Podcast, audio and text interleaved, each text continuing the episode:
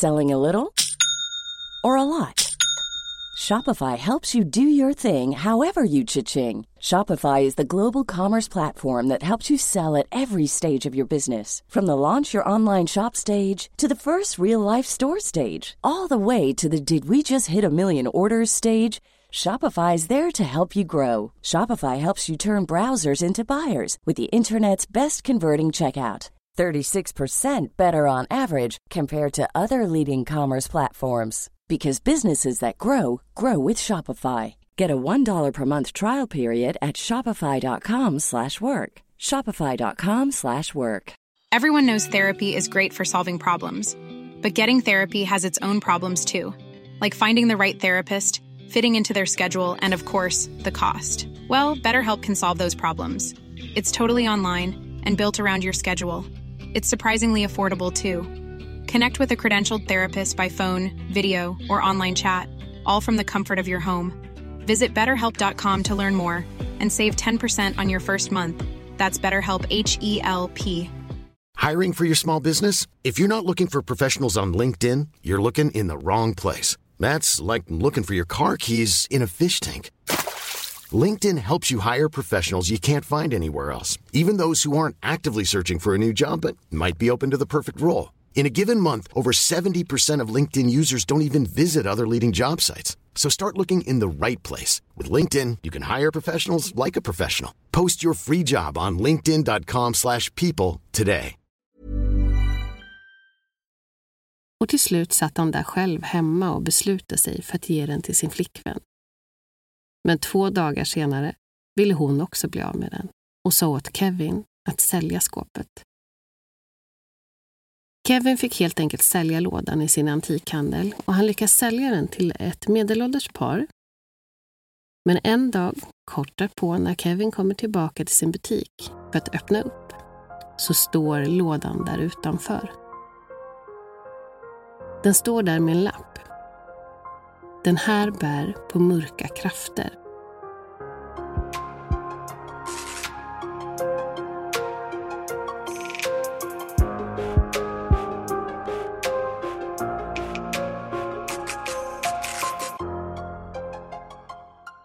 Hej och välkomna tillbaka till Söndagsmysteriet. Avsnitt, eh, avsnitt 30 har vi kommit till. Det är nästan att litet jubel tycker jag vi borde förtjäna.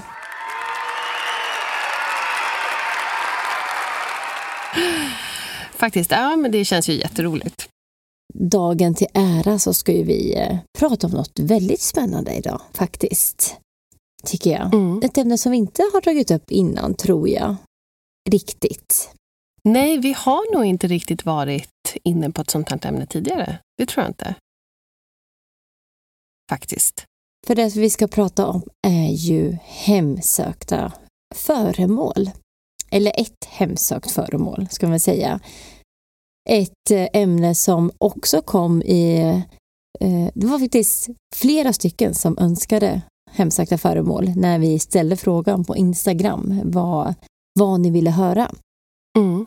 Men just det här också tror jag att det faktiskt var en lyssnare som tipsade om. Det stämmer. Jag hade faktiskt inte hört talas om det innan. Hade du gjort det? Nej, inte jag heller. Inte Nej. jag heller. Så det var, det var det som var så kul. Och man blev eh, snabbt fängslad faktiskt av eh, historien. Mm. Ja, definitivt. Superläskigt. Vi ska ju prata om något som heter, kallas för Dybbuk box. Men jag tänker innan vi går in på det så har jag en liten fråga. Jag och Oh, flera av våra lyssnare faktiskt till dig, Maria. Va? För då går För om vi går tillbaka till avsnittet vi hade innan så pratade vi om Amityville Horror. Och där så säger du, i typ introt till eh, att du ska börja prata om det här då, så tar ju du upp att man har skrivit en bok Mm. om det här och dels så undrar ju många, vad är det för bok? Vad heter boken?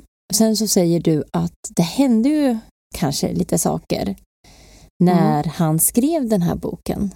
Som du sen skulle knyta ihop hela he- historien. Jag skulle knyta ihop det i slutet. Ja, Va? och jag tänkte också på det när jag satt och klippte. Jag bara, hmm, det kom nog aldrig. Och sen så var det flera av er som reagerade på det också. Och ville ju. Så att eh, då tänker jag att du ska få ta den nu. Ja, ja, ja, ja, ja. Det var väl, var väl inget. Då ska vi se. Jo, men boken är ju alltså The Amityville Horror, alltså den boken som han, eh, Anson, då skrev. Och eh, jag kommer inte ihåg var jag läste det här någonstans, men det var någon då som hävdade att han som skrev boken, han skrev sin första bok och det var Amityville Horror.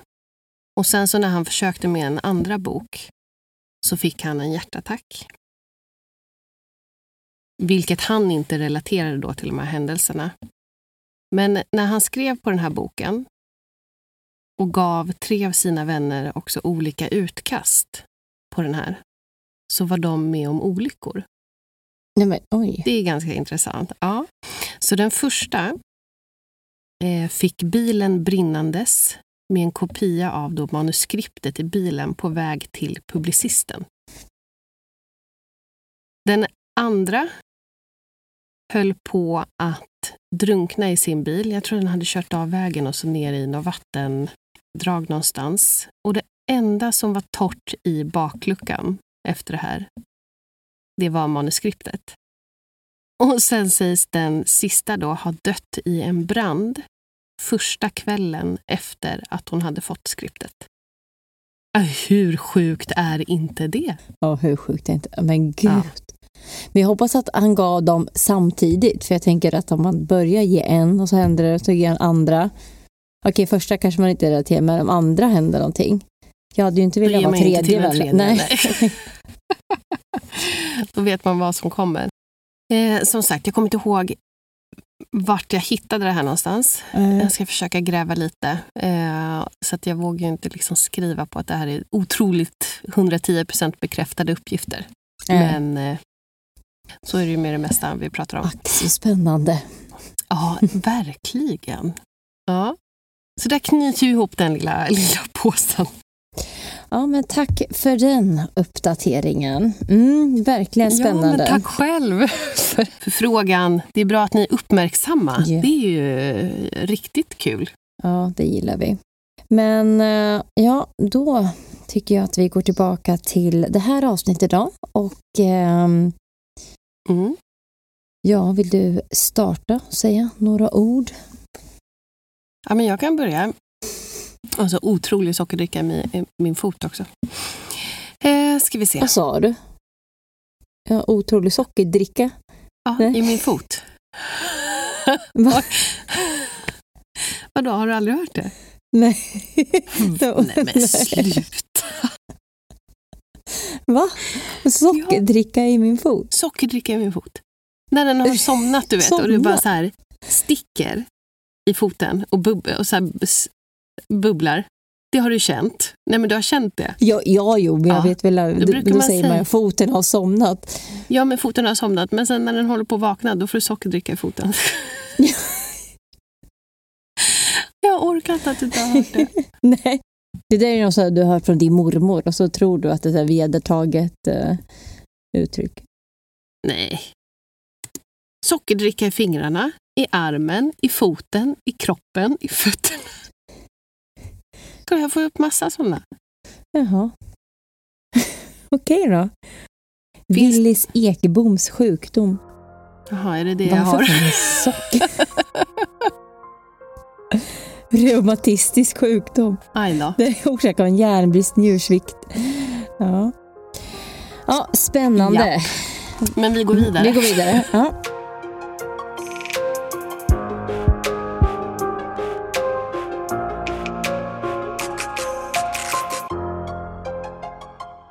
Ja, men I det här eh, avsnittet då, så kommer vi ju som, som Ida sagt och som ni vet prata om Dibbklådan och ett gäng märkliga händelser som eh, kretsar kring den. Så det här är eh, det här är också någonting som har filmatiserats eh, så det är 2012 så finns det en film som heter Possession. Men den här filmen då handlar ju om eh, hur en flicka i en familj kan säga, hon börjar personlighetsförändras. Eh, hon får utbrott, hon blir frånvarande, alltså gör attacker och liksom alla möjliga saker. Eh, men det är ju egentligen inte hon. I och med att hon blir ju sakta men säkert besatt av någonting. För att kanske, ja, för att vi ska hänga med lite mer i, eh, i den här historien då, så kan vi ju berätta vad en dybbuk är. Så det här är ju ett slags andeväsen som har sitt eh, ursprung i eh, den judiska folktron och mytologin. Och det här ska ha följt med i olika folksagor sedan början av judendomens liksom rörelse under den senare hälften av 1500-talet, så det är lång, lång tid. Så en dybbuk är ordagrant, kan man säga, en attachment eller eh, något som hänger sig kvar. Så det här anses vara anden hos en person som istället för att driva in i nästa livsrike stannar kvar och tar över en levande människas kropp. Så enligt legenden är en dybuk en ond ande som försöker fly från sina synder och som då besätter en människokropp och tar över deras sinne och själ. Och från det här då så kan det ju såklart som alla möjliga, eh, vad ska man säga, när, när man blir besatt så kan ju det yttra sig liksom i man kan uppleva olika mentala hälsoproblem eller huvudvärk, ångest. Det kan eh, ske som eh, man kan säga, epilepsiattacker och schizofreni. Men det är ju inte bara Dybbuk som vi pratar om här, utan vi pratar ju även om den här Dybbuklådan. Och det här sägs ju då vara ett litet kabinett eller en låda som sägs innehålla en ond ande. Det vill säga den här dybbuken. Lådan är vanligtvis i trä och är eh, dekorerad med symboler och texter då från eh, den här folktron och historierna. Det sägs att lådan kan användas då för att skydda en person från en dybbuk eller för att fånga in en dybbuk som redan har tagit över en persons kropp. Och enligt tradition så sägs det också att en kunnig person inom judisk tro ska skapa den här lådan och sen utföra en serie av olika religiösa riter för att fånga in den här dybbuken och fängsla den i lådan. Och sen så finns det väl de som talar lite för att det är så här det fungerar och vissa som talar lite emot hur det funkar. Och dagens historia då börjar egentligen i början på 2000-talet när en Ebay-annons kommer ut och blir väldigt uppmärksammad. Och det är en annons då såklart på en vinlåda med ett startbud på en dollar. Och i lådan så finns det några mindre objekt som inte gjorde någon riktigt klok på varför och med en ganska fascinerande och minst sagt fängslande historia bakom. Och ett gäng bud senare så klickas den här hem. Men vi kommer börja med Kevin Mannis, en man från Portland som år 2001 köpte just en gammal vinlåda på en loppis. Han var en antikhandlare och fastighetsmäklare och eh, var ute då på en loppis för att söka efter nya saker till sin antikhandel. Men den här gången så kommer han hitta något som han sent kommer att glömma.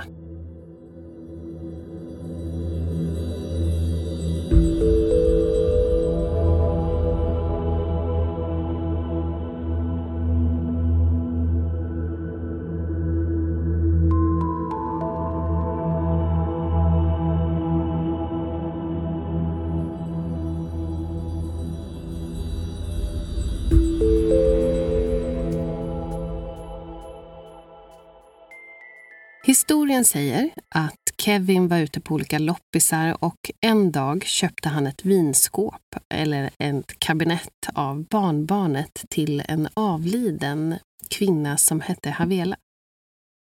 Hon sägs ha flytt från det nazistiska ockuperade Polen. Havelas föräldrar, bröder, syster, make, två söner och dotter dödades allihopa under den här tiden och hon tillsammans med andra överlevare flydde till Spanien där hon bodde till krigets slut. När Havela, som levde till 103 år gammal, immigrerade till USA var vinskåpet bara en av tre saker som hon hade med sig. När Manis var på den här loppisen och betalade för kabinettet så sa Havelas barnbarn. Ah, jag ser att du köpte Dybbuk-lådan. Manis var inte bekant med termen varpå barnbarnet berättade för honom att hennes mormor alltid höll den stängd och utom räckhåll eftersom det fanns en Dybbuk. I judisk folktro alltså en ond, rastlös ande som besitter det de levande inuti den här lådan. Det var strikt förbjudet att öppna lådan och när flickan hade frågat vad som fanns inuti så hade mormor spottat tre gånger genom fingrarna och sagt dybuk och kesselim. Säljaren ska ju då ha sagt det här till Manis att det aldrig skulle öppnas. Och om det öppnades skulle dåliga saker hända. Men han kommer ändå inte att lyssna på hennes varning. Däremot, medan de stod och pratade så märkte Kevin att lådan verkade ha ett sentimentalt värde för barnbarnet. I och med att den hade tillhört hennes mormor så ställde han ju frågan. Men du vill inte behålla lådan ändå? Varpå hon blev upprörd och nästan i panik sa att nej, nej, nej, nu har vi gjort en deal, du ska ta den och du ska ge dig av nu. Ta den bara. Men är du säker, menade han på. Ja, vi vill inte ha den. Ge dig av, hade flickan sagt. Så det slutade med att Kevin, han tar lådan med sig till sin butik, lämnar den en trappa ner där han har ett litet restaureringsrum kan man säga, i ett källarutrymme. I och med att han var en antikhandlare och hade till och från mer eller mindre objekt att hantera. Så här lämnade han lådan och tog sig ut för att göra ett par ärenden. Under tiden var det en annan medarbetare i butiken som var kvar. Efter en kort stund så ringer den här kollegan i panik. Hon var helt hysterisk och att det var någon i källaren som skriker och har sönder saker. Det lät som att det var någon som hade tagit sig in. Kevin avslutar snabbt sina ärenden och slänger sig in i bilen för att ta sig tillbaka till butiken där han möts av först en stängd och låst grind. Vilket bara det är konstigt. Han låser upp och tar sig in i butiken varpå han träffar på sin kollega. Hon ligger på golvet i ett hörn, livrädd och hysterisk. Han går vidare ner i källaren och möts av en hemsk odör, ungefär som kattkiss där han kan se hur verktyg ligger slängda i rummet, flera glödlampor som var sönderslagna och han slogs av den här hemska odören. Men han hittade ingen som hade gjort intrång. Och det fanns bara en väg ut, dörren som han kom ifrån. Kollegan kom aldrig tillbaka till butiken för att jobba med Kevin trots att hon hade jobbat med honom i två år. Två veckor efter att han hade köpt lådan så började Kevin göra den i ordning. Hans tanke var att ge bort den till sin mamma i present. Och när han drog ut en låda så öppnades de två dörrarna på det lilla skåpet. Inuti var en liten vinbägare, en ljushållare en torkad rosenknopp. Två olika amerikanska mynt från 1925 och ett från 1928. en bit sten med hebreiska shalom och två lockar av hår, en svart och en blond. Efter att ha hittat sakerna i skåpet så la han dem i en låda för att ge tillbaka dem till hushållet där han köpte det. Men flickan och familjen de vägrade och insisterade på att det skulle vara kvar i lådan. Hur som helst så fortsatte han göra i ordning skåpet och såg till att det skulle se fint ut i och med att han skulle ge det till sin mamma. Och på baksidan så såg han då att det stod något ingraverat. Det var i slutet på oktober som hans mamma kommer över till butiken innan de ska gå ut på en lunch tillsammans. Hon kommer in och han visar henne det lilla kabinettet. Sen får han ett samtal så han måste gå undan i butiken för att fortsätta samtalet i telefonen. Under tiden sitter hans mamma och tittar på skåpet. Hon får plötsligt en stark känsla av att skåpet tittar tillbaka på henne. När hon väl öppnar det så möts hon av en kall luft som sveper in över henne. Hon fick en känsla av mörker, ren ondska. Hon kan plötsligt inte röra på sig och fick vad som senare skulle visa sig vara en stroke. Tankarna rusade i huvudet på henne. Kommer hon överleva? Kommer jag hinna se Kevin? Kevin kommer tillbaka från samtalet och ser sin mamma oförmögen att röra sig eller prata. Hela ansiktet var uttryckslöst och tårar rann längs hennes kinder. Ögonen skrek som i panik. Men hur han än försökte så fick han inte någon respons från henne. De ringde larmnummer och blev intagen med ambulans till sjukhuset där man fastslog att hon faktiskt fått en stroke.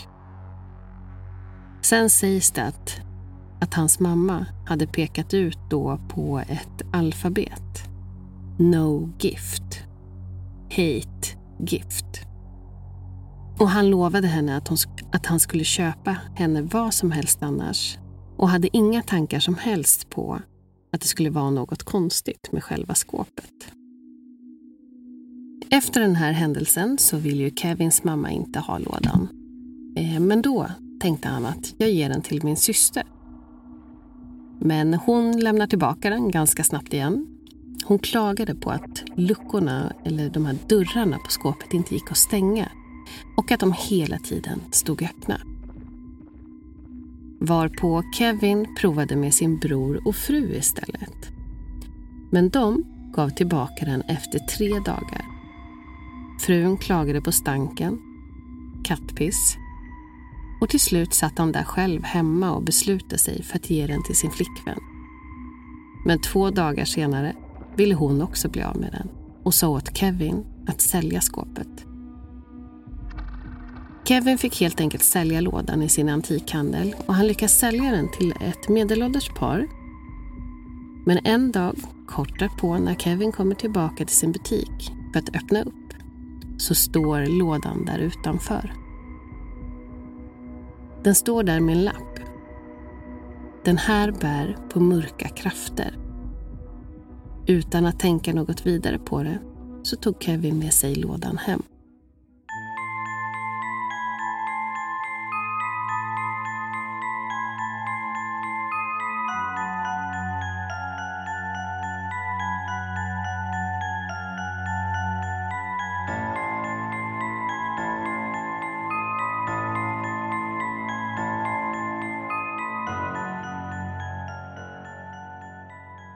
Det dröjde inte länge förrän Kevin började drömma mardrömmar. Drömmen var så att han fann sig själv promenera med en vän. Han tittar på sin vän varpå han märker något annorlunda med ögonen. Han stirrade plötsligt in i något ont. De var mörka och plötsligt förvandlades vännen till en gammal och ond häxliknande varelse. Något bland det värsta som han sett. Som sen börjat slå Kevin. Slår honom livlös. På vissa håll så sägs det även att han kunde vakna med blåmärken efter de här drömmarna. Men fortfarande var det inget som han själv kopplade till själva vinskåpet. Efter några veckor så kommer hans bror med fru över och hans syster för en middag och övernattning. Morgonen därpå så hade systern börjat klaga på mardröm. En dröm som hon har haft ett par gånger förut men som kom tillbaka i natt. Hon beskrev precis samma mardröm som Kevin upplevt. Varpå hakorna faller på bron och hans fru, då även de hade upplevt exakt samma dröm.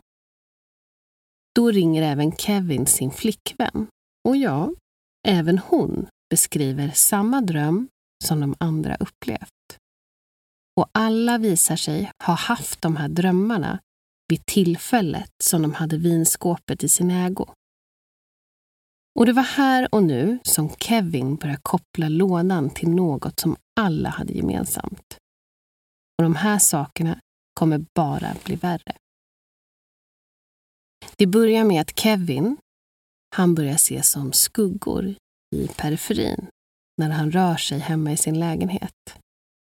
Och det var faktiskt inte bara han, utan även gäster hos honom påstod sig se skuggor röra sig runt i hans lägenhet. Han beslutade sig för att ställa det här skåpet i ett förråd utanför sitt hem.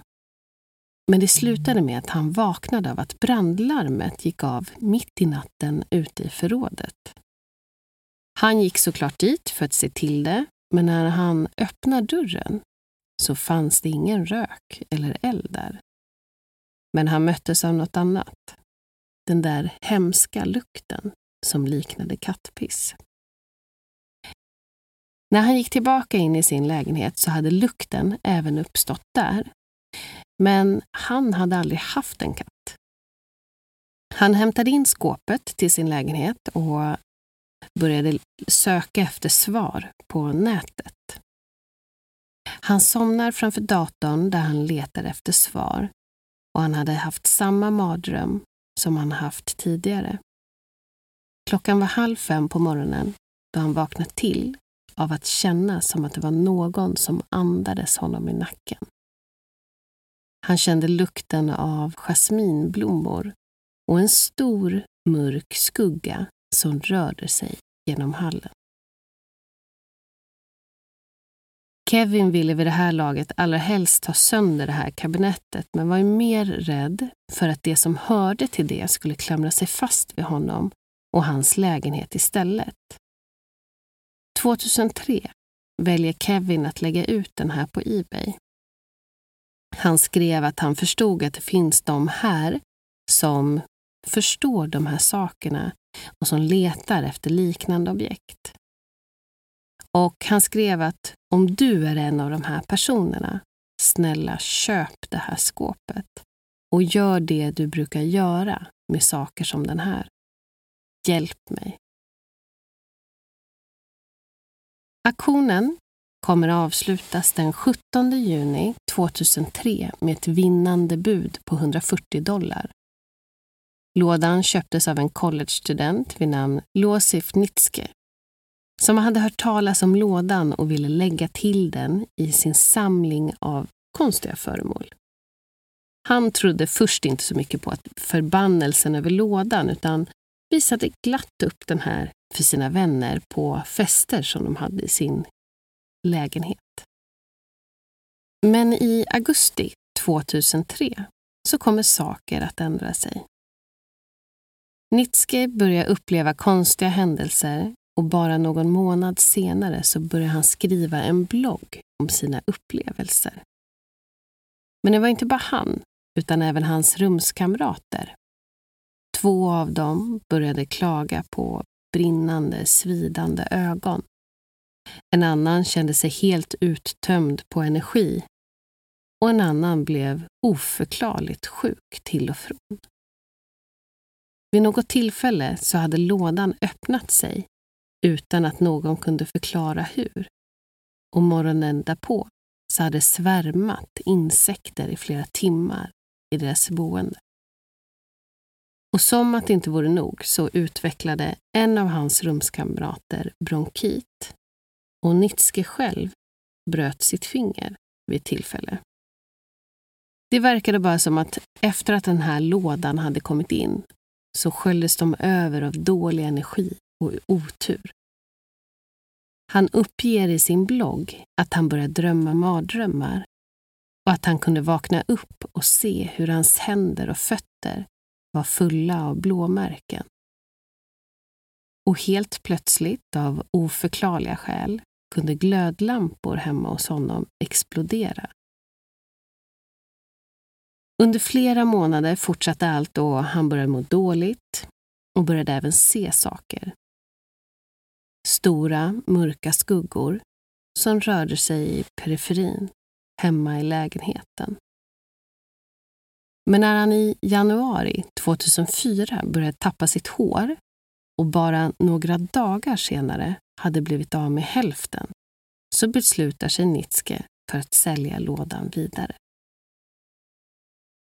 Han bestämmer sig för att sälja den på Ebay och nu blir den köpt av en man vid namn Jason Haxton som jobbade vid museet Museum of Osteopathic Medicine i Kirksville, Missouri.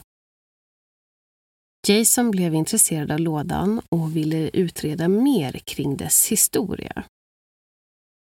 Han var väldigt skeptisk inställd till allting som påstods ha hänt kring den och personerna i närheten i och med att han var själv väldigt vetenskapligt inställd. Efter att han hade tagit emot den här lådan så började han må väldigt dåligt. Han vittnar om att han hade problem med sina ögon. De sved och kunde till och med börja blöda. Han fick även attacker där det kändes som att han skulle kvävas.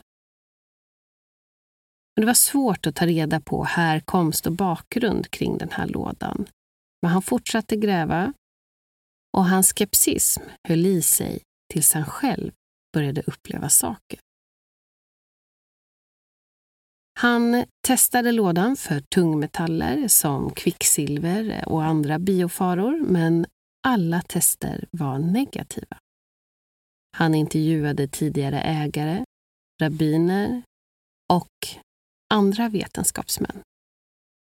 Alla de här personerna hade rått honom till samma sak.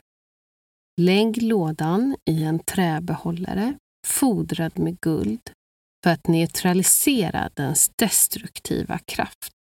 Vare sig det är en ond ande eller ett annat elektromagnetiskt fält. Så Haxton gjorde som han hade fått råd om och blev snabbt av med sina medicinska problem. Jason kommer hur som helst skriva en bok om det här, The Dybbuk Box, i vilken han delar med sig väldigt detaljerat av sina upplevelser sedan han anförskaffade sig lådan och dess historia. Och senare såklart så sålde han rättigheterna för det här till att bli film. Och det blir The Possession som släpps sen 2012. Hackston kommer sluta med att placera den här lådan i en säker behållare av militär kvalitet och begravde den där ingen skulle kunna hitta den. Och det här är tills Zack Bagans kommer in i bilden. En världskänd spökjägare som säkert många utav er har hört om. 2016 säljer Haxton lådan till Zack för en summa som ingen har avslöjat. Och under ett avsnitt av Ghost Adventures som görs av Zack Bagans så bjuds även Kevin Mannis och Haxton in var i Zack kommer ta den här Dibbuklådan till sitt museum.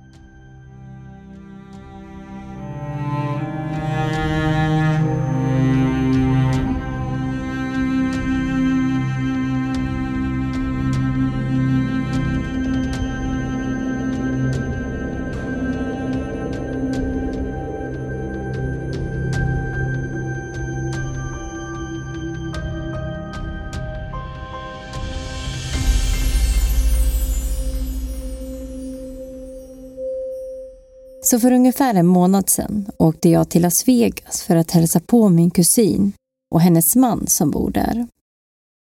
Någon dag senare så anslöt också min mamma och min styrpappa.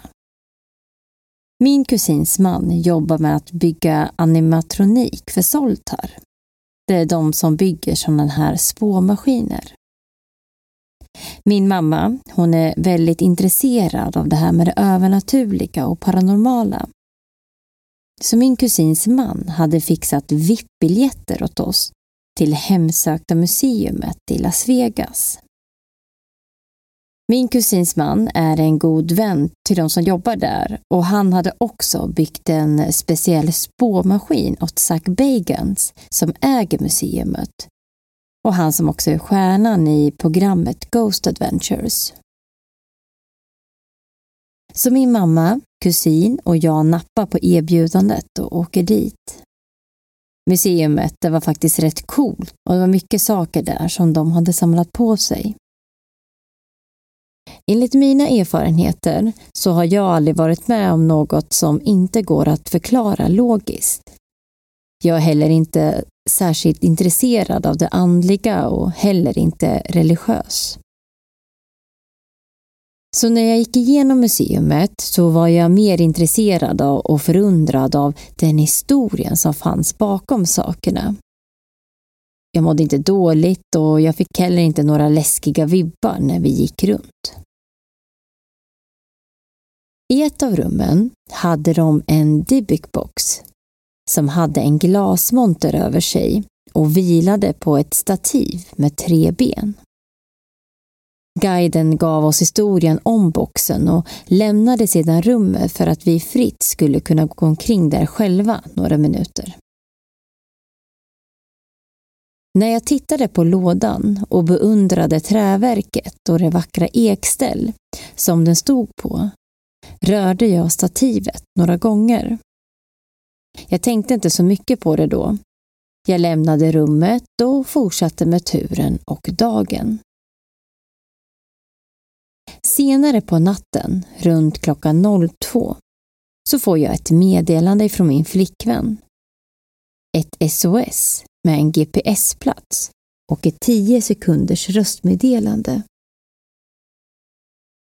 Jag kollade på GPSen och det visade att hon var hemma hos hennes pappa där hon var på besök i Kalifornien. Jag ringde henne säkert en 15 gånger och skickade meddelande till henne men fick inget svar. Ungefär 20 minuter senare så får jag ytterligare ett SOS med en GPS-plats och med meddelandet Jag behöver hjälp i stora bokstäver. Men det här meddelandet, det kom i en gruppchatt med mig, hennes mamma och pappa. Nu började jag få panik och förutsatte det värsta tänkbara. Jag ringer hennes pappa ett par gånger utan att få något svar. Sen ringer jag hennes mamma som svarar. Jag frågar om meddelandet och om hon vet vad som händer. Hon svarade att hon skulle ringa tillbaka mig strax. Och en kort stund senare så får jag ett meddelande att polisen nu var på väg till min flickväns pappas hus. Polisen, de hanterade situationen som inbrott eller kidnappning. De kom dit och sparkade in dörren. Men där inne låg alla och sov. Min flickvän ringde mig då gråtandes och berättade att poliserna sökte igenom hemmet med vapen. Jag berättade då om meddelandet som hon hade skickat, men hon säger att hon hade legat och sovit och att telefonen hade legat och laddat på nattduksbordet hela natten. Jag levde min värsta mardröm för en stund, att min flickvän som jag hade varit tillsammans med i 13 år blivit kidnappad. Följande nätter så hade jag mardrömmar att min flickvän blev begraven upp till halsen och att folk kastade stenar i hennes ansikte.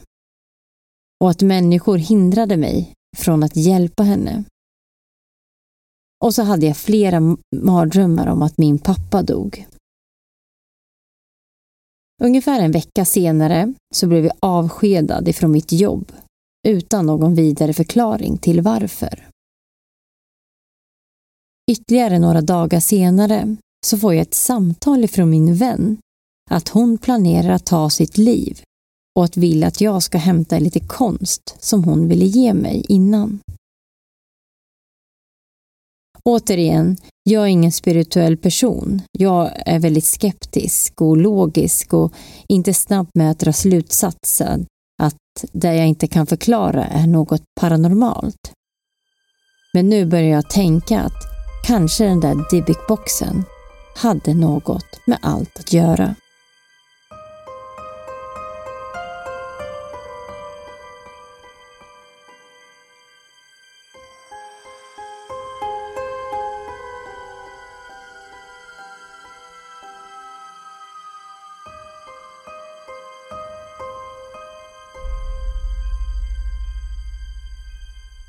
Den här historien hade rubriken My experience with a Dybbuk box och kom ifrån forumet Paranormal Encounters på Reddit. Och det här forumet är till för att man ska dela med sig av sina sanna upplevelser som man har haft av det paranormala. Som vi berättade innan så finns ju den här Dybbuk-boxen på Zack Bagans museum i Las Vegas. Den är placerad i ett mörkt rum på en pelare med en glasmonter om sig. Och på senare tid så har man byggt ytterligare ett skyddsglas runt den. Zack han har själv beskrivit det här som det absolut mest hemsökta han har i hela museumet.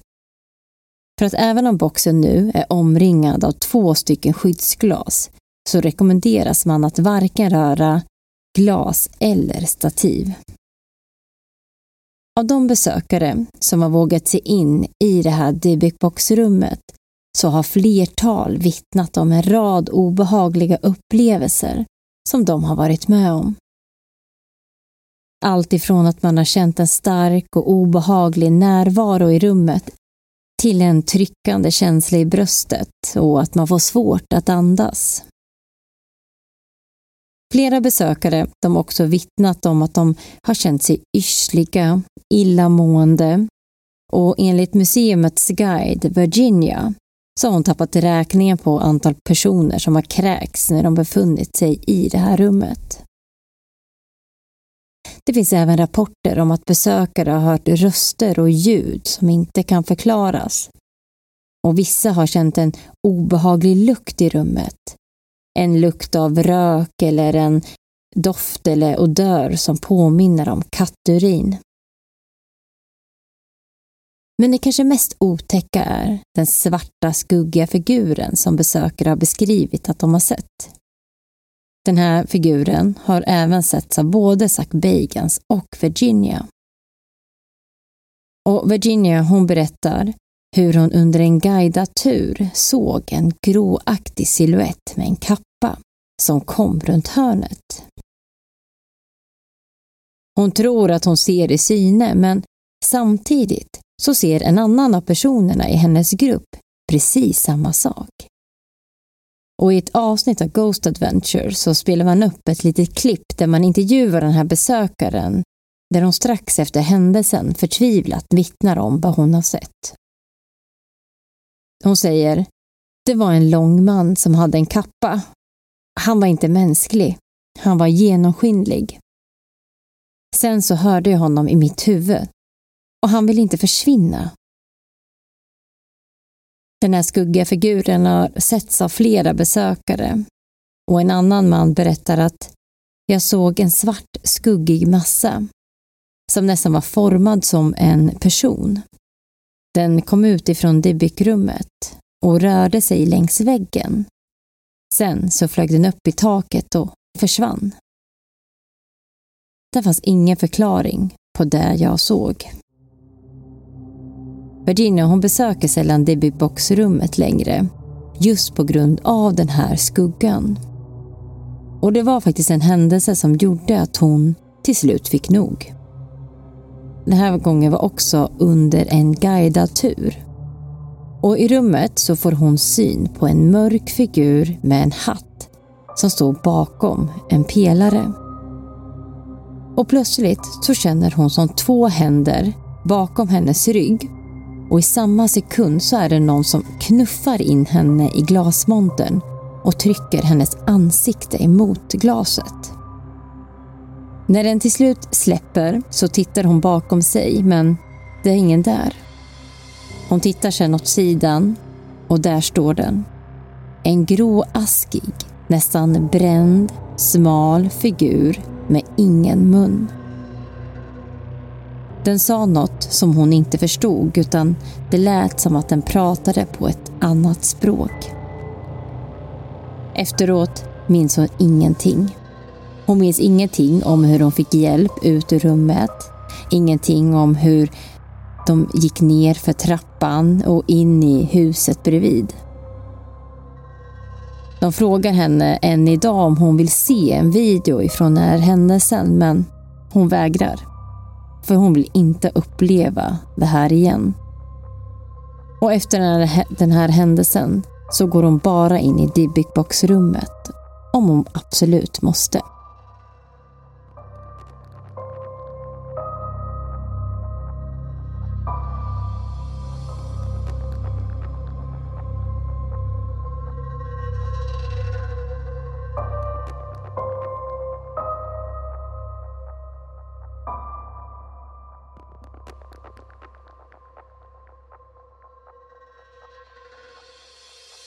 En annan person som säger sig ha blivit påverkad av den här Dybbuk-box-rummet är ingen mindre än rapparen Post Malone. Han besökte en gång museet tillsammans med Zack Bagans. Och inne i rummet så väljer Zack då att ta ett grepp om den här lådan. När han rör lådan så stelnar han till. Han säger att det är något som sköljer över honom. Han berättar att det kändes som att, att han manipulerades att röra boxen. Att han kände som en stark känsla att han skulle öppna boxen just där och då. Han lägger handen på lådan och känner som att någonting åker igenom armen och genom hela kroppen. Post Malone han tar då tag i Sacks axel för att kolla om han är okej. Okay. Och då lyckas Zack släppa taget om boxen och han bakar bakåt mot väggen och är helt skärrad och börjar hyperventilera. Han säger i efterhand att det var ett av de mest otäcka ögonblicken i hans liv. Sen så rusar de båda ut ur rummet i ren förskräckelse. Och efter den händelsen så börjar det ske en rad olycksbådande händelser för Post Malone. Så bland annat så vid starten av en flygning så gick två av hjulen sönder på hans plan. En händelse som har kunnat sluta riktigt illa. Men planet lyckades som tur var nödlanda utan att någon person skadades. Kort därefter så var han med om både en bilkrasch och inbrott i sitt hem. Och allt det här, det skedde bara under en månads tid. Vilket fick Post Malone då att bli övertygad om att det vilade en förbannelse över honom. Som orsakades då av besöket i det hemsökta museumet när Zack rörde vid Dybbuk-boxen. Zack han har också känt av mycket efter den här händelsen. Men trots det så är det ju lite som man säger, the show must go on. Och i hans serie The Ghost Adventures så bestämmer de sig i ett avsnitt att öppna den här boxen. Han och hans teammedlemmar de hade faktiskt ett par år tidigare försökt att göra samma sak i ett halloween-avsnitt. Men det var så mycket som hände runt om just då att de till slut inte vågade. Men i avsnittet Dybbuk Box The Opening så gör de alltså ett nytt försök. Innan de öppnar boxen så testar de att använda sig av en EMF-mätare som visar att det finns elektromagnetisk energi runt boxen. Alla i teamet de blir märkbart påverkade. Alla tre de börjar klaga på att de känner smärta i ryggen. Zack påverkas också eh, väldigt mycket mentalt. Han blir vid ett tillfälle så arg att han slänger ut kameramannen Billy ut ur rummet helt utan anledning. Det här gör att de till slut tar en paus över natten för att fortsätta dagen efter. När de inför eh, kommande dag tittar på övervakningskameran från eh, natten innan så kunde de vid tillfälle se en rök som kom ut från den här boxen. De testar att använda en så kallad spirit box.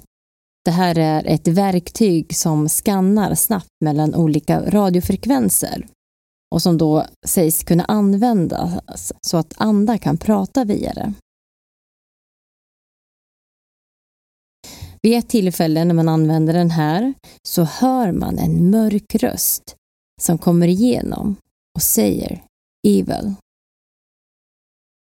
När de senare, samma kväll, öppnar Dybbuk-boxen så berättar Zack hur han känner som en stark psykologisk förändring. Som att det är någon som eh, skickar bilder och tankar i hans huvud som inte är hans egna. Man använder en SLS-kamera mot boxen. Och det här är ett verktyg som används av många paranormala utredare. Den fungerar ungefär som eh, Kinect gör till eh, Xbox. Den kan alltså mappa upp mänskliga kroppar. Och man tror också att den då ska kunna fånga upp andliga kroppar. När Zack använder den här kameran mot boxen så ser han hur en figur manifesterar i lådan. Sen kan man se hur den här figuren rör sig bakom boxen och försvinner.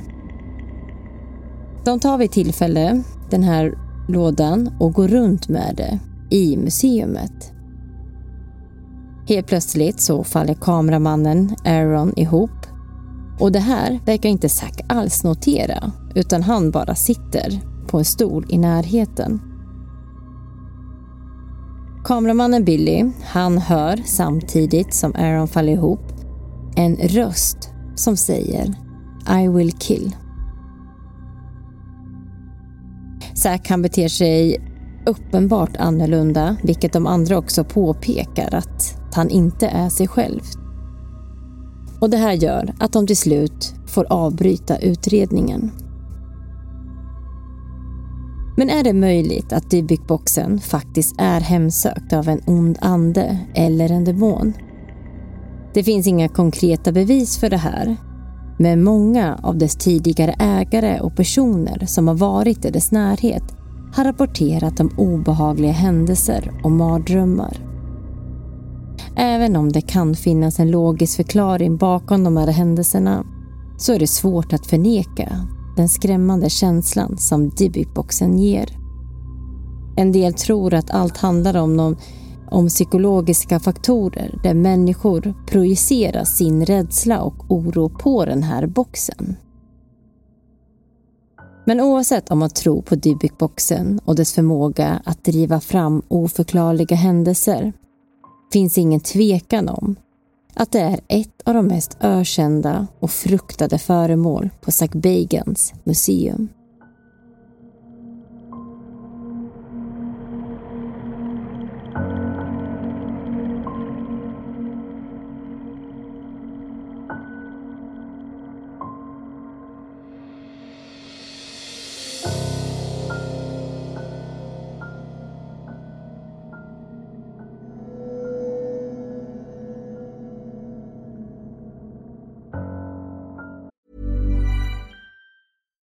I'm Ryan Reynolds. At Mint Mobile, we like to do the opposite of what Big Wireless does. They charge you a lot, we charge you a little. So naturally, when they announced they'd be raising their prices due to inflation, we decided to deflate our prices due to not hating you.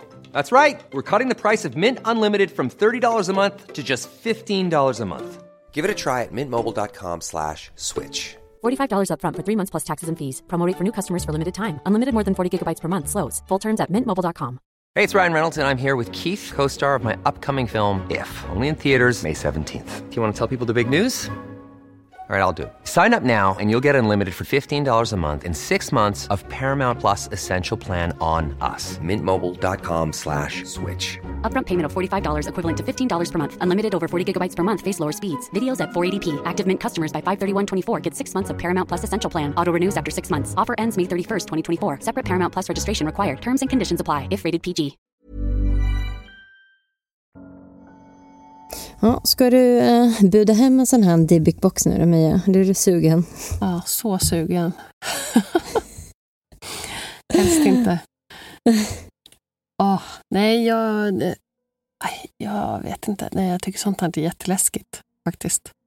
Och vem, och vem, vem köper en sån här Dibbuklåda?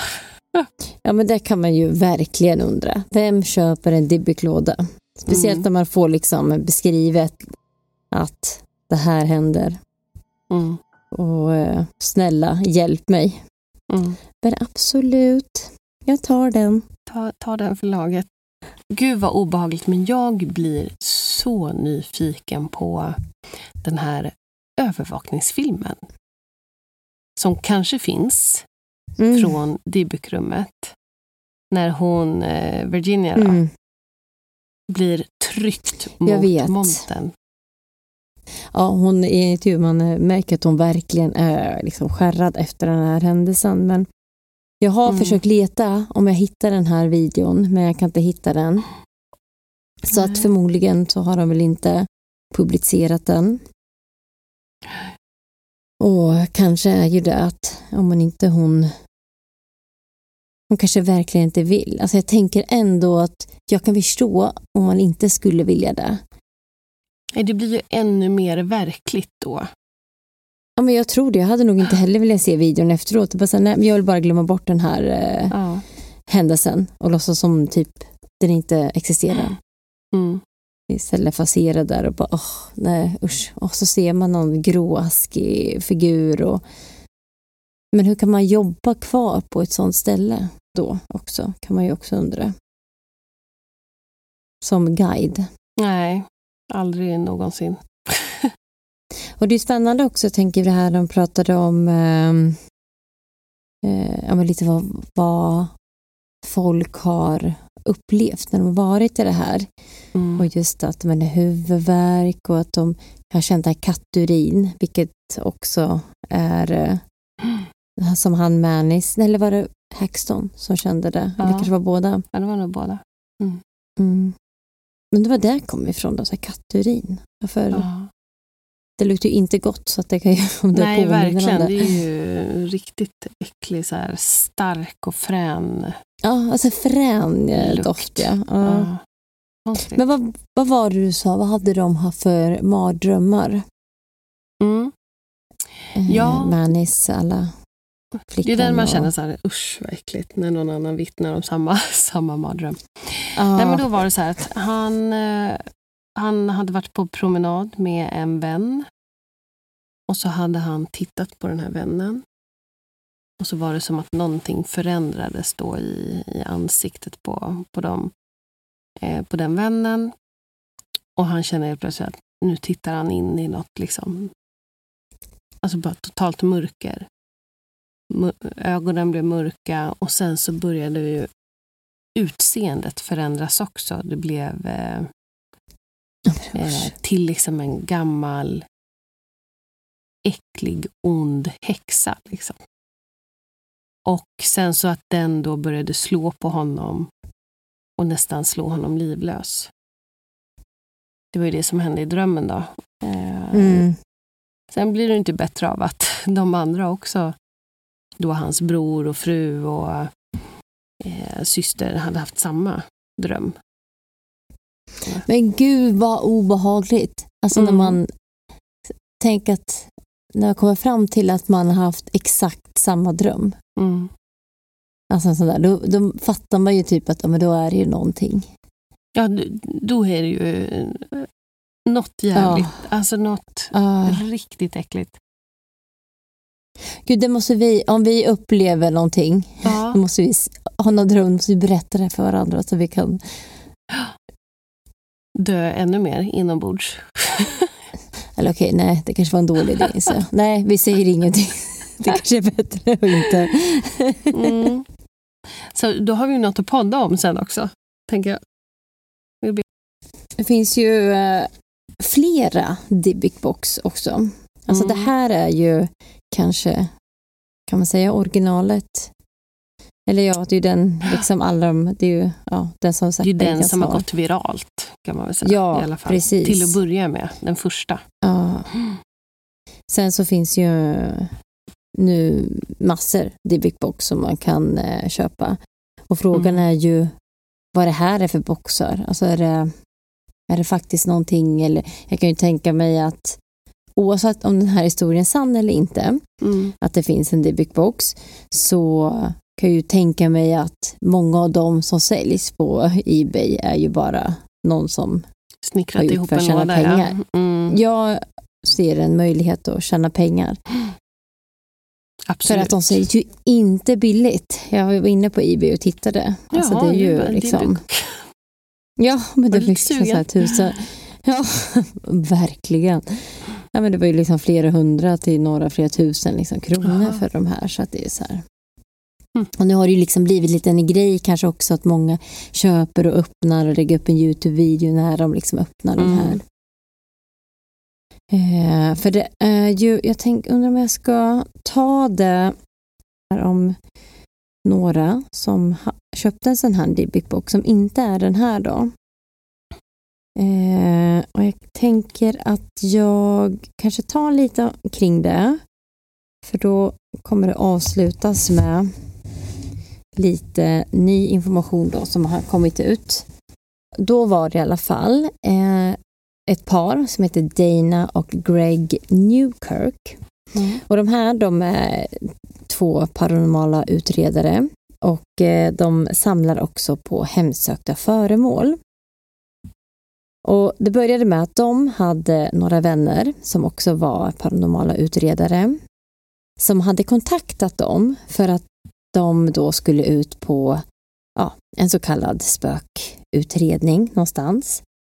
Och så hade de eh, köpt en Dybbuk box eh, som de skulle använda som ett så kallat trigger object.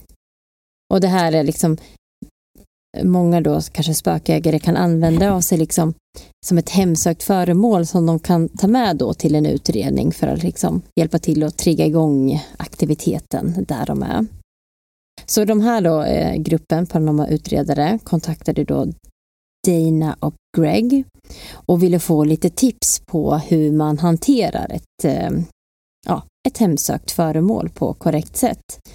För de hade inte eh, använt något sånt innan. Eh, så de fick då rådet att ja, men den som är minst rädd skulle eh, eh, alltså minst rädd och minst påverkad av ja, sånt här skulle då vara den som hanterade boxen mestadels. Och att man liksom skulle liksom sätta gränser för sig själv, att var den här eh, vad det här objektet har tillåtelse att påverka och inte. Så att den inte ska påverka en själv, alltså att man matar den att, ja, till det här då på något sätt. Och så fort man då inte känner sig heller sig själv runt det här objektet så, eh, så skulle man gå därifrån och ja, ut någonstans, eh, promenad eller någonting och grunda sig lite. Och kanske titta på något roligt och ja, de brukar säga att eh, skratt är den bästa exorcismen. Eh, så att de, det här gänget då, de tar med den här Dybbuk-boxen till en utredning och märker direkt hur deras humör förändras. Och de kör en sån här EVP-session. Eh, de kör Spirit Box-session. De här som vi pratade om att de, eh, när andar då kan prata igenom sådana här via Mm. Just de här frekvenserna då, som går. Och då kan de höra hur det här säger deras namn. Och då, den här sa till och med namn på medlemmar i den här gruppen som inte ens var där för tillfället. Eh, och flera av de här då sa att ja, de kände sig liksom som tvång att de skulle röra den här boxen även fast de egentligen inte ville göra det. Och ja, att allt bara kändes helt fel. Och de var, hade liksom, fick en riktigt så stark negativ känsla kring den här boxen. Och eh, Greg då, han säger då att men, han är ändå rätt skeptisk av sig och, och liksom när de berättar det här till dem så är han ju rätt tveksamt att alltså då ska man fånga en demon i en liten box. Eh, men han märker ändå att hans vänner är verkligen rädda på riktigt. Så att, eh, och den här eh, Dibic-boxen då, den hade de fått låna av en eh, av en annan person då, som äg, en, äg, ja, en annan person som var ägaren till den här. Och eh, den, Dana och Greg, de får tillfället att eh, träffa honom. De märker också att han är beter sig liksom lite märkligt på något sätt. Och att han är som, eh, eh vad säger man, obsessed med den här boxen. Säger man att han är Besatt. Ja, mm. just det. Att han är lite som besatt av den här boxen. Och han berättar hur han kunde ta ut den här boxen på en promenad och han pratade om den hela tiden. Och så säger de då, för de pratar om det här i en podd då, och så säger de att, eh, att antingen om en person då kommer i kontakt med ett äh, hemsökt föremål så brukar liksom det finns liksom som två delar. Antingen så blir man väldigt rädd och man bara slänger ut det i, i princip. Eller så blir man lite som den här personen eh, betedde sig då, att man blir lite besatt av föremålet.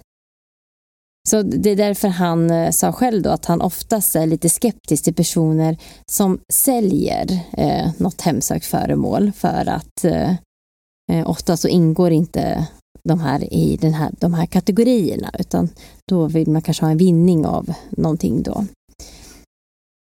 Men den här personen han hade ju lånat ut den här boxen till den, den här paranormala eh, gruppen.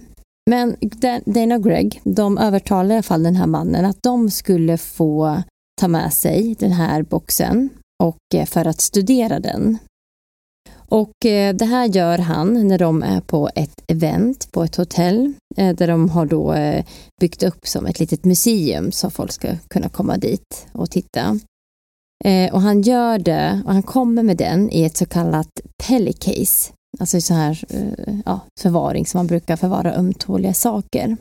Och när han kommer med det här så säger han att eh, jag, ja, men jag måste ge det här till er. Alltså jag tror inte att det här är bra för mig längre. Och mina vänner och familj börjar bli oroliga för mig. Och Dana och Greg, de har ju aldrig själv sett eh, en Divibox innan. Utan de hade ju bara hört eh, den här historien ifrån deras vänner. Så de tar med sig den här upp till ett rum och de börjar liksom titta på det. Och, eh, och de här de är ju väldigt vana med just hemsökta objekt eftersom de samlar på sådana här. Och de blir ju inte ja, oftast inte skrämda av dem. Men det var någonting med den här, de berättade här då, att det var någonting med det här som de kände direkt. Alltså det var verkligen en obehaglig känsla. Och de tog med sig boxen hem och började märka ganska snart att de blev väldigt påverkade av de här. De började bli mer irriterade och de började bråka jättemycket med varandra, vilket de liksom aldrig hade gjort innan. Ja, men de bara kände som en verkligen dålig energi runt om hela tiden. Ganska så snart efter de eh, hade fått hem den här boxen då, så blev de inbjudna att delta i ett program som heter Paranormal Lockdown eh, och deras del i det här programmet var att de skulle ta med ett par sådana här triggerobjekt då, som eh, jag nämnde innan. Och ett av föremålen de tog med var ju självklart den här Dibic-boxen. Och de tänkte också att det är verkligen ett spännande tillfälle att de också får använda den här och utreda det här. Eftersom att, eh, ja, då får de också tillgång till massa, ja, massa sådana verktyg som de har i det här programmet. Det börjar ganska lugnt, men sen så börjar de prata med den här boxen och säger att om det är någon där inne eller runt eh, den här så kan du hjälpa till att få igång aktiviteten i huset. Och direkt när de har sagt det här så öppnas och stängs en dörr av sig själv och så hör de fotsteg som går omkring. Sen så hör de som konstiga viskningar. Efter det här programmet så vill eh, den här, eh, alltså han gamla ägaren ha tillbaka den här boxen. Och de går väl med på det här, men det skulle i alla fall dröja två månader innan de kunde ja, bestämma en träff då och eh, där de kunde ge tillbaka eh, Dybbuk-boxen till honom. Och under de här två månaderna så tänker de, okej, okay, vi måste ju verkligen maxa det här och utreda det här så mycket som möjligt. Så de tar ett tillfälle, de smugglar in den här för att göra en röntgen på ett sjukhus. De har en vän då som eh, jobbar som röntgenspecialist. Eh, för de vill inte öppna den här boxen, men de vill ju gärna veta vad som är inuti den. Så de gör den här röntgen och de kan se då, det är 3D-röntgen, så de kan verkligen liksom få exakt vad som är inuti den här. Och man kan se att det är någon slags påse och en ljushållare. Och den här ljushållaren, den såg verkligen ja, men ganska modern ut. Och här, den hade liksom inget av det här som det sägs att en Dybbuk-box ska ha. Eh, så att det här kan inte vara en Dybbuk-box då, menar de. Eh, så de börjar då göra så här, eh, ja, utredningar kring judisk folktro. Och, eller vad, vad är det här med Dybbuk-box egentligen? Liksom, vad, vad, är, vad är det som måste vara inuti en box? Kanske kan det vara olika eller Eh, kan, man få olika, eh, alltså kan det vara olika grejer för att fånga olika typer av demoner kanske? Och i princip, vad är historien kring det här med den judiska folktron då, kring Dybbuk Box? Men de hittar liksom ingenting innan den här Ebay-posten då gjordes av Manis. Och de inser ju då att det finns ingenting som heter en Dybbuk Box. Strax eh, efter det här så går också Kevin eh, Manis ut med det här att eh, allt var bara påhittat ifrån hans sida. Vad de ändå var lite förundrade över att de sa att liksom, vi upplevde ändå någonting kring den här boxen. Så är det liksom att, är det att är det ändå bara psykologiskt eller är det att det kan vara att så mycket rädsla kan fästa sig vid ett objekt? Alltså är det, de själva, är det man själv som skapar det här? Eller är det något annat helt enkelt? Så söker man på Dybbuk Box så är väl nästan det första man får mm. upp eh, den här artikeln då. Just att en, en bluff. Mm, som heter Finally the truth behind the haunted Dybbuk Box. Så att, ja, vad tror du om det här då? Ja, men det är ju lite olika också tror jag.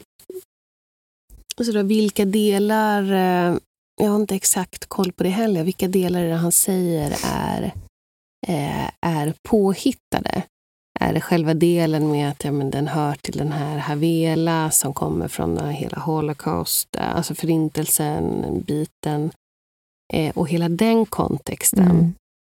Men kan det faktiskt, eh, trots det, liksom vara sant just med att det finns någonting kring den här lådan som du säger, med att den är hemsökt.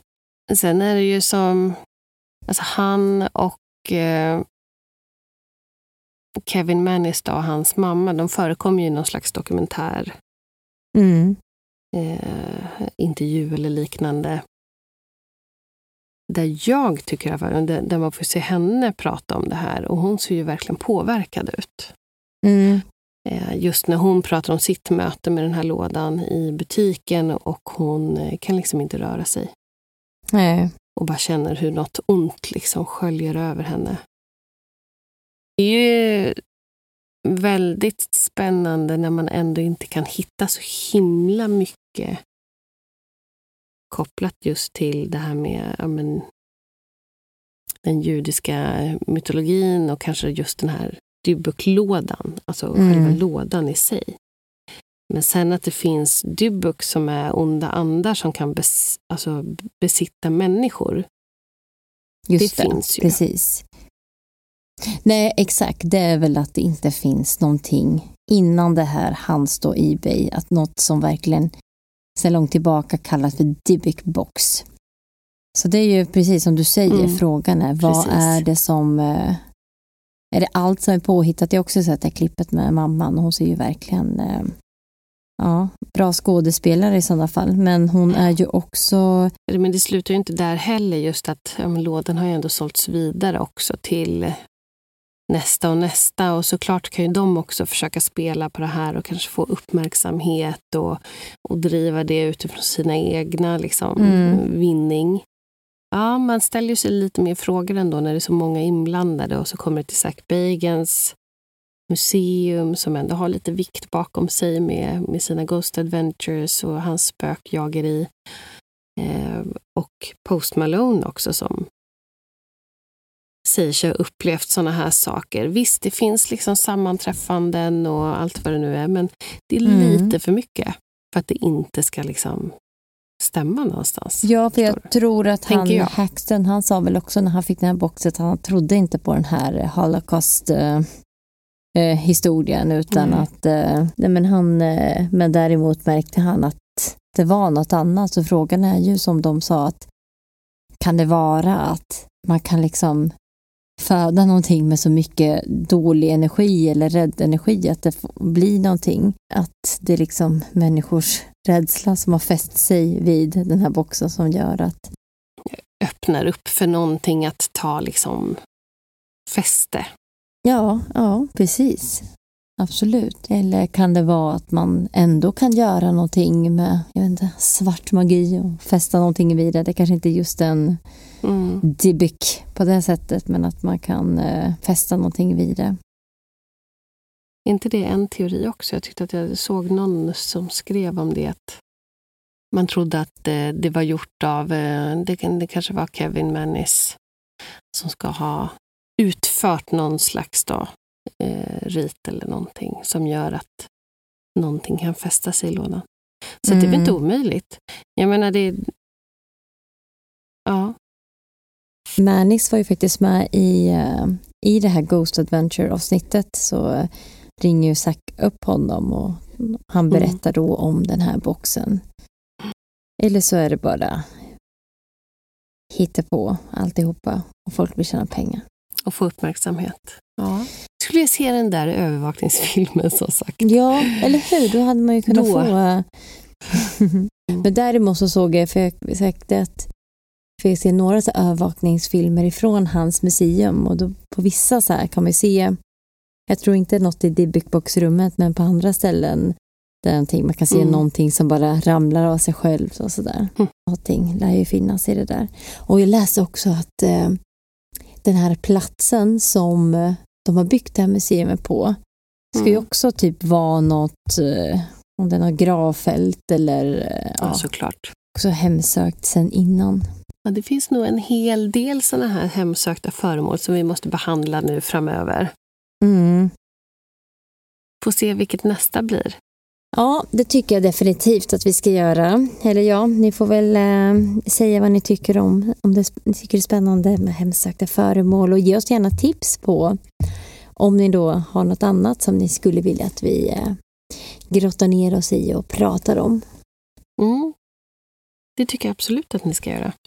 Har ni hört något annat eller något mer så får ni jättegärna kommentera det sen också på våra, eh, våran Instagram när vi har släppt det här. Och kanske ställer vi någon fråga om ni lyssnar eh, via Spotify.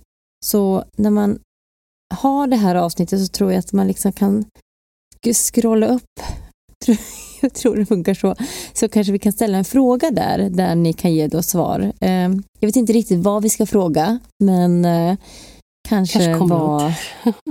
Det kanske kommer någonting, så kolla om vi har just ställt någon fråga där gällande det här avsnittet så kan ni också ge en kommentar där. Ja, och nästa avsnitt det kommer om eh, två veckor igen. In och likea, följ, prenumerera och eh, ha det så bra så hörs vi om två veckor igen. Det gör vi. Ha det bra. Hej då! Hej!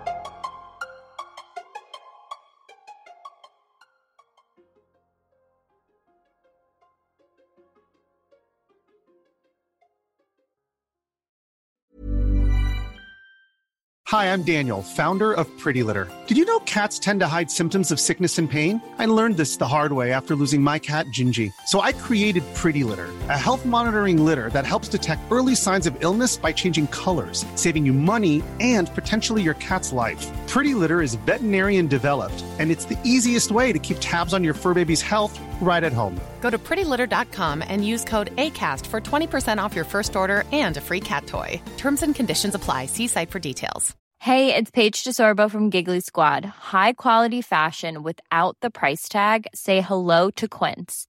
I'm snagging high end essentials like cozy cashmere sweaters, sleek leather jackets, fine jewelry, and so much more. With Quince being 50 to 80% less than similar brands. And they partner with factories that prioritize safe, ethical, and responsible manufacturing. I love that. Luxury quality within reach. Go to quince.com slash style to get free shipping and 365 day returns on your next order. Quince.com slash style. Planning for your next trip? Elevate your travel style with Quince. Quince has all the jet setting essentials you'll want for your next getaway, like European linen, premium luggage options, buttery soft Italian leather bags, and so much more. And is all priced at 50 to 80% less than similar brands. Plus, Quince only works with factories that use safe and ethical manufacturing practices. Pack your bags with high-quality essentials you'll be wearing for vacations to come with Quince. Go to quince.com/pack for free shipping and 365-day returns.